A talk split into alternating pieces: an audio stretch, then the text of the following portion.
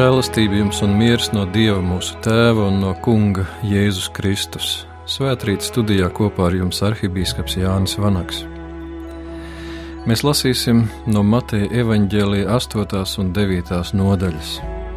Kad Jēzus nonāca otrā pusē, Gadaras apgabalā, viņu sastapa divi dēmonu apsēsti, kas bija iznākuši no kapiem. Tie bija ļoti bīstami, tādēļ neviens nevarēja pa šo ceļu staigāt un redzi, tie sāka kliegt: Kāda daļa mums ar tevi, Dieva dēls, vai tu esi nācis pirms laika mūs mocīt? Bet tālu no viņiem ganījās liels cūku bars, un dēmoni viņu lūdza: Ja tu mūs izdzen, tad liec mums ieiet cūkās. Jēzus tiem sacīja: Ejiet! Un tie izgājuši, iegāja cūkās, un redzi, viss ganāmpulks metās no kraujas jūrā un noslīka ūdenī bet gani aizbēga un nonākuši pilsētā pastāstīja visu arī par dēmonu apsēstajiem, un redzēja, visa pilsēta iznāca Jēzum pretī, un viņu ieraudzījuši tie lūdza, lai viņš iet prom no to apvidus. Tad Jēzus iekāpis laivā, pārcēlās pāri un nonāca savā pilsētā. Un redzi, tie atnesa pie viņu kādu paralizēto, kas gulēja gultā. Un Jēzus viņu ticību redzēdams sacīja paralizētajam: Esi drošs, dēls, tavi grēki tev piedoti. Tad kādi no rakstu mācītājiem pie sevis domāja: Šis zaimo. Jēzus viņu domas noprastams sacīja: Kādēļ jūs domājat ļaunu savā sirdīs? Kas ir vieglāk sacīt tev, tavi grēki piedoti, vai sacīt celies un staigā? Bet, lai jūs zinātu, ka cilvēka dēlam ir vara virs zemes grēkus piedot, Viņš sacīja paralizētajam: Celies, ņem savu gultu un ej uz mājām. Un tas piecēlies gāja uz mājām. Ļaužu pūlis to redzēdams, izbijās un slavēja Dievu, kas devis tādu varu cilvēkiem. Tas ir Kristus evaņģēlijs.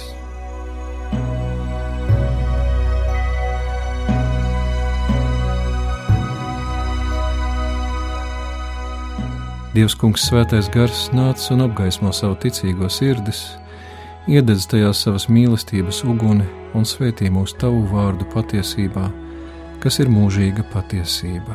Āmen!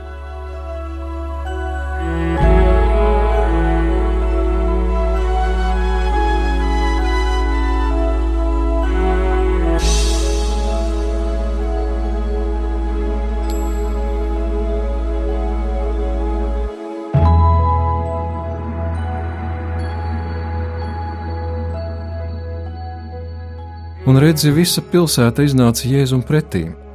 Nereiz vien Jēzus ierašanās izraisīja lielu saviņojumu. Nereiz vien ap viņu pulcējās ļaužu drūzma, viņu klausījās, viņam lūdza palīdzību, viņam uzglūnēja, viņam strīdējās pretī, taču šajā reizē notiek kaut kas nepieredzēts. Visa pilsēta iznāk viņam pretī, lai palūgtu viņu aiziet. Kādēļ tā? Ar ko Jēzus tuvošanās viņu dzīves vietai šos pilsētniekus tik ļoti sabiedēja. Kādas bija viņu attiecības ar Jēzu? It nekādas.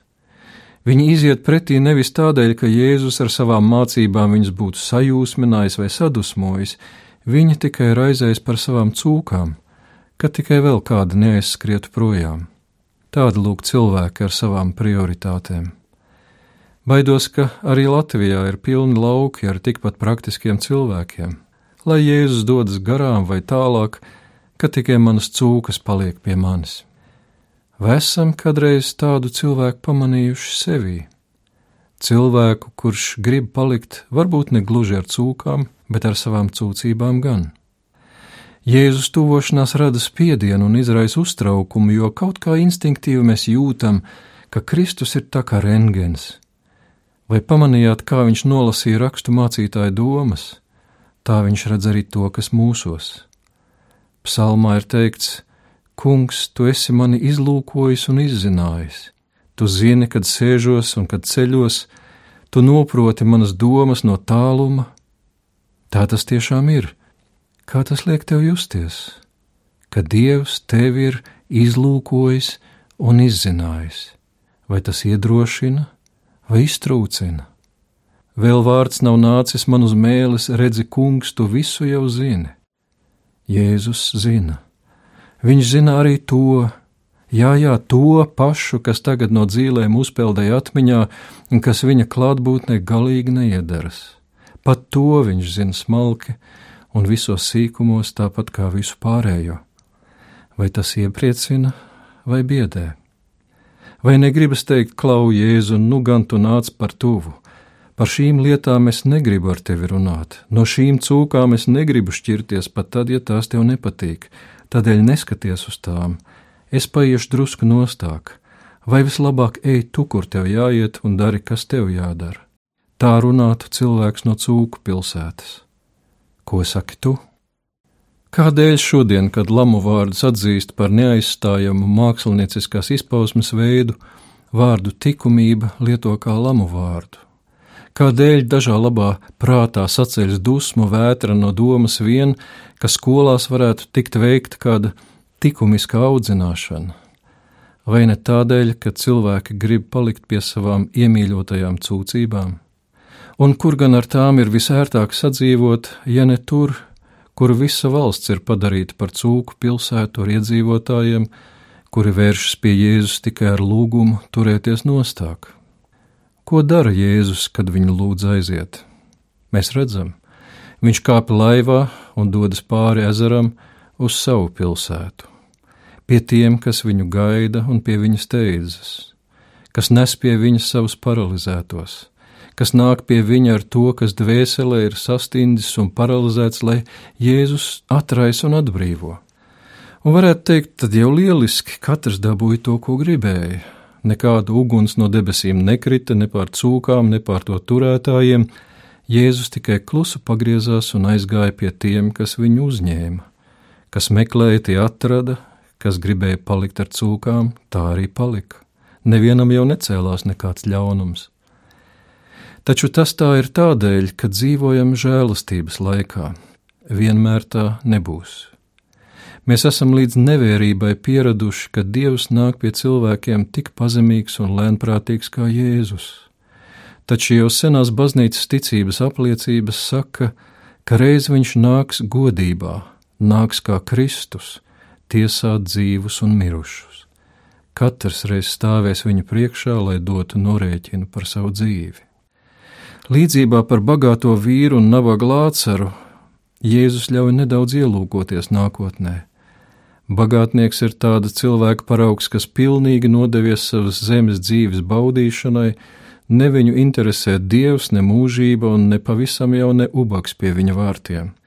Taču, kad abi nomira, Turīgais vīrs Ellē ciesdams mocības skatīja nabadzīņu Ābrahāmu klēpī un sauca: Tēvs Ābrahām apžēlojies un sūti lācaru, lai viņš iemēdz pirksta galu ūdenī un atvēsina manu mēli, jo es ciešu mokas šajās liesmās. Pat tagad viņam šķiet, ka lācars tur ir, lai viņam pakalpotu. Bet Ābrahāms sacīja: Dēls, Starp mums un jums ir likts liels bezdibenis, lai tie, kas gribētu pāriet no šejienes pie jums, to nevarētu, nedz arī no turienes pie mums. Lūk, tā ir žēlastības laika galvenā iezīme, ka starp vieniem un otriem, starp cūku pilsētu un Kristus pilsētu, ir tikai ezers, nevis liels bezdibenis, kuram neviens netiek pāri. Katrā brīdī tu vari kāpt laivā, vai iet pa krastu uz pilsētu, kur aizgāja Jēzus, uz to dzīvi, kur cilvēki viņu pieņem un kur viņš pieņem cilvēkus. Tagad ir žēlastības laiks, vislabvēlīgākais laiks, kad atstāt savas cūcības un doties uz viņa pilsētu. Un kas tad tajā Kristus pilsētā tāds notiek, ka vajadzētu uz turieni steigties pat pa galvu un pa kaklu? Kas atšķir abas pilsētas kā dienu no nakts? Lasot par šo notikumu, uzmanību parasti piesaista dziedināšana. Kad paralizēts vīrs ceļas no nestuvēm un sāk staigāt, tas ir ļoti iespaidīgi.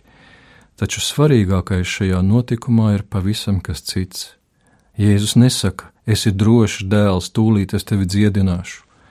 Viņš saka, esi drošs dēls, tavi grēki tev ir piedoti. Un ko ir vieglāk pateikt, tavi grēki tev piedoti, vai celies un staigā? Ko jūs izvēlētos sacīt pie paralizēta cilvēka gultas? Droši vien tavi grēki tev ir piedoti, jo To jau nevar uz vietas pārbaudīt. Ja teikšu celies, bet cilvēks necelsies, to gan visi uzreiz redzēs. Taču Jēzum tas ir pretēji. Viņš ir Dievs, svētās trīsvienības otrā persona, visuma radītājs. Visu pasauli viņš ir izveidojis, lai salabotu viena cilvēka ķermeni, viņam bija jālieto tikai niecīga daļiņa no sava spēka. Lai piedotu grēkus, viņam bija jāizdara nesalīdzināmi vairāk. Viņš atstāja savu godību, apslēpa savu spēku un ietērpās mirstīga cilvēka miesā. Mūsu vietā viņš nodzīvoja to pilnīgo, nevainojami paklausīgo un bezgrēcīgo dzīvi, kādu Dievs no mums prasa. Pasaules vareniem mēdz prasīt paklausību no pavalsniekiem, paši uzskatot, ka viņiem likumi nav rakstīti. Kristus ir ķēniņš, kas bija paklausīgs savu nepaklausīgo pavalsnieku vietā līdz pat krusta nāvei. Viņš neatmeta un nepārkāpa dieva likumu, bet piepildīja to līdz pēdējam komatam un rakstu zīmē. To viņš darīja mūsu vietā, viņš uzņēmās mūsu grēkus un nomira mūsu nāvē pie krusta. Viņš apgūlās kapā un nokāpa pašā ellē mūsu vietā. Tas viss viņam bija jāizdara, lai varētu pateikt, tavi grēki tev ir piedoti. Celies un staigā, jeb dziedināšana bija tikai farizējiem un rakstu mācītājiem domāta priekšā pateikšana. Tie paši mācīja tautai, ka neviens netiek dziedināts, ja viņa grēki nav piedoti, un te viens paralizētais tika dziedināts, tātad viņa grēki bija piedoti. Tātad Jēzum ir vara piedot grēkus, bet pēc viņu pašu mācības tāda vara ir tikai Dievam. Tātad viņiem vajadzēja secināt to, ko viņi stūrgalvīgi atteicās atzīt Kristus dievišķību. Dziedināšana bija arguments disputā. Svarīgais šajā notikumā bija piedošana. Aizgājis no cūku pilsētas uz savu pilsētu, Jēzus izdziedina slimo vīru, piedodot viņa grēkus. Tā arī ir lielā atšķirība starp abām pilsētām. Savā pilsētā Jēzus saka, tavi grēki tev piedoti, cūku pilsētā viņš to nesaka. Tajā pusē, kur Ābrahāma klēpes, tur grēki ir piedoti, otrā pusē, kur liesmas, tur grēki nav piedoti. Tur cilvēks palicis ar savām cūkām un cūcībām. Mūžībā starp tām būs nepārējams bezdibenis. Žēlastības laikā starp šīm pilsētām ir vēl tikai ezers. Ar ko nodarbojas kristīgā ticība? Ar kristīgajām vērtībām, ar pamācībām, kā labāk dzīvot, ar aizrādījumiem un aizliegumiem.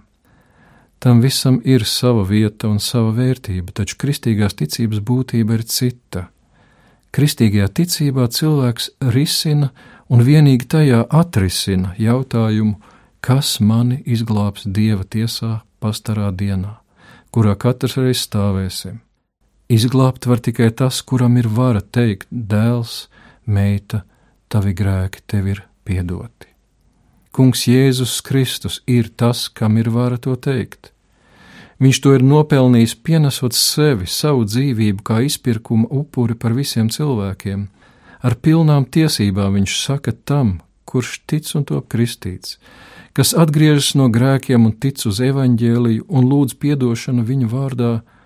Ar pilnām tiesībām viņš saka, dēls, meita, tavi grēki tev ir piedoti. Un ievērosim, cik apņēmīgi rīkojās slimā vīra draugi tā priekšā. Lūkas evanģēlijas apraksta sīkāk, kā tie mēģināja viņu ienest un nolikt Jēzum priekšā, ļaužu pūļa dēļ nespēdami viņam piekļūt, uzkāpa uz jumta un caur griestiem nolaida to ar visu gultu pašā vidū Jēzum priekšā. Iedomājieties, ar slimnieku un gultu uzrāpties uz sveša jumta, uzlauzt to un virvēs nolaist Jēzus priekšā. Šie vīri tiešām bija stingrā pārliecībā, ka Jēzus ir risinājums. Cik lielā mērā mēs rēķināmies ar Jēzu kā risinājumu savas dzīves izaicinājumiem? Vai Jēzus kaut jau kādā mērā attiecas uz mūsu ikdienu? Kāds cilvēks bija uzrakstījis uz sienas tādu saukli: Jēzus ir atbilde, bet kāds cits bija apakšā pierakstījis, kāds bija jautājums. Viņam tas droši vien likās smalks, ironisks joks, taču patiesībā tam pat nav nozīmes, kāds ir jautājums. Jēzus ir principiāla atbilde. Cilvēks dzīvo attiecībās ar sevi, ar saviem tuvākajiem, ar valsti, ar sabiedrību, un ja šajās attiecībās ir problēmas, tad to sakne ir meklējama viņa attiecībās ar Dievu. Bet attiecības ar Dievu var sakārtot tikai caur Jēzu Kristu. Tādēļ Jēzus ir atbilde lai arī kāds būtu jautājums. Vai mums pietiek pārliecības par Jēzus nozīmi mūsu dzīvē, lai kaut vai tāpat bez gultas rāptos uz jumta un nolaistu savu problēmu viņa priekšā? Ievērosim, ka slimnieka draugi nāca pirmie, nevis gaidīja, kad Jēzus tīši vai netīši atradīs viņus. Reizēm cilvēki nedomā par Dievu, nenāk pie viņa, bet kad tā bez dieva dzīvojot, notiek kas ļauns, tad viņi saka, kur ir dievs, vai pat saniknojas, kur pie vēlna ir dievs. Šie vīri nāca pirmie, nolika savu smagumu Jēzum priekšā un gaidīja. Un tiešām ir labāk, ja mums jāpagaida uz Jēzu, nevis ja Jēzum jāgaida uz mums. Šie apņēmīgie vīri nesa to, kas pats nespēja atnākt, un tā izrādījās pareiza, sekmīga rīcība. Dažreiz dzirdu pat kristīgus vecākus sakām: Es savu bērnu nespiedīšu, lai izaug un tad paši izvēlēsies. Ļoti toleranti. Taču ņemiet vērā, ka pasaule, grēks un vēlns nebūs toleranti. Viņi spiedīs, viņi jau spiež caur popkultūru, reklāmām un pat krimināliem vilinājumiem. Man izbrīna, ja kristieši neizvēlas savus bērnus sūtīt skolā un pieteikt kristīgajai mācībai, bet sūta tos uz ētikas stundām. Vai tādēļ, ka tas labāk palīdzēs tikt dzīvē uz priekšu? Kas ir jūsu kungs un kam pieder jūsu lojalitāte? Turies tālāk, Jēzu, lai mana iedomāto iespēju treknāt cūku neaizrikšo projām. Palūkojieties uz šiem vīriem, viņa nesa paralizēto pie Jēzus, lai viņš iegūtu jaunu, nesaistītu dzīvi. Vai jūs saviem bērniem darāt tāpat? Uz kuru pilsētu jūs viņiem rādāt ceļu? Paralizētajam vīram šis pasākums varēja būt visai sāpīgs. Velkot uz jumta un laižot lejā, viņš noteikti piedzīvoja dažu labu grūdienu un triecienu. Patiesa tuvošanās Kristum var būt sāpīga taču ieguvums atsver visas sāpes un triecienus. Ieguvums ir jauna dzīve, piedaloties dieva dzīvē. Ieguvums ir dieva ienākšana mūsu dzīvē. Ieguvums ir mūžīgā dzīvība. Un tādēļ ir vērts arī kaut ko paciest, lai tikai dzirdētu Jēzu sakām: Dēls, meita, tavi grēki tev piedoti, celies un staigā. Kur viņš to saka? Un kā tur var nokļūt? Vai laika mašīnā atgriežoties 2000 gadu senā pagātnē? Ievērosim, ko saka tauta, redzot paralizētā vīra piecelšanu. Tie slavēja Dievu, kas devis tādu varu cilvēkiem. Un tā patiesi ir labā vēsts, tas patiesi ir evaņģēlijs, ka Dievs varu sacīt, tavi grēki tev ir piedoti, ir devis cilvēkiem. Vispirms viņš to deva cilvēkam, kurš nāca pasaulē tad, kad Kristus, Dieva vārds, jeb logos, tapa miesa un mājoja savas tautas vidū cilvēka Jēzus ķermenī. Arī tagad Kristus, Dieva logos, līdz ar svēto garu mājo mūsu vidū ne tikai garā, bet ķermenī. Svētie raksts skaidri liecina, ka Kristus ķermenis, kurā viņš šodien mājo un darbojas pasaulē, ir viņa baznīca mēs varam slavēt Dievu, ka Viņš tādu varu deva cilvēkiem. Pēc augšām celšanās viņš uzpūta dvašu saviem mācekļiem un teica: Saņemiet svēto garu, kam jūs grēkus piedosit, tiem tie tiks piedoti, kam paturēsit, tiem paliks. Tā arī šodien katrs aicināts un ordinēts dieva kalps, neatkarīgi no paša gudrības vai svētuma, stāv pie altāra Kristus vietā un darbojas viņu aizvietojot. Kad viņš Kristus dotajā amata pilnvarā saka nožēlas pilnajam lūdzējam: Dēls, meita, tavi grēki tev ir piedoti, tie ir piedoti tajā pašā mirklī. Mūsdienu pasaulē baznīca ir Jēzus pilsēta, kurā viņš cilvēkus pieņem un saka vissvarīgākos vārdus. Tā mums vajadzētu izprast savu svētdienas došanos uz baznīcu. Tas ir ceļojums uz Jēzus pilsētu. Varbūt, ka dažiem no jums uz to jādodas laukā no cūku pilsētas, kur Jēzus nesaka neko. Vēl mēs dzīvojam žēlastības laikā, kad starp vienu un otru pilsētu ir tikai ezers. Un kas gan var būt skaistāks par pastaigu gar ezeru, kopā ar ģimeni, kopā ar bērniem? Sevišķi, ja zinām, ka dodamies no cūku pilsētas, kuras gals ir liesmās, uz Kristus pilsētu, kurai gala nav bet ir tikai dzīvība un dzīvības pilnība kopā ar Kristu, Tēvu un Svēto garu mūžīgi. Vēl ir žēlastības laiks, ceļš gar ezeru ir atvērts un aicina: ceļojiet ar eņģeļiem! Āmen!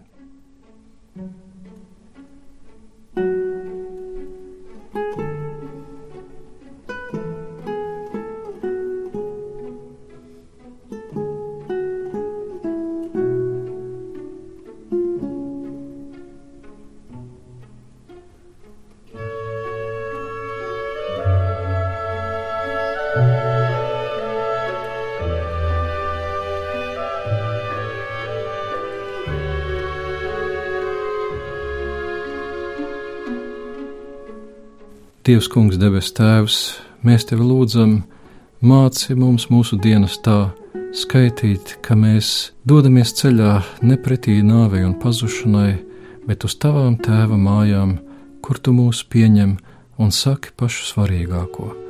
Tavās rokās mēs nododam savu garu un visu sevi Jēzus Kristus vārdā. Āmen!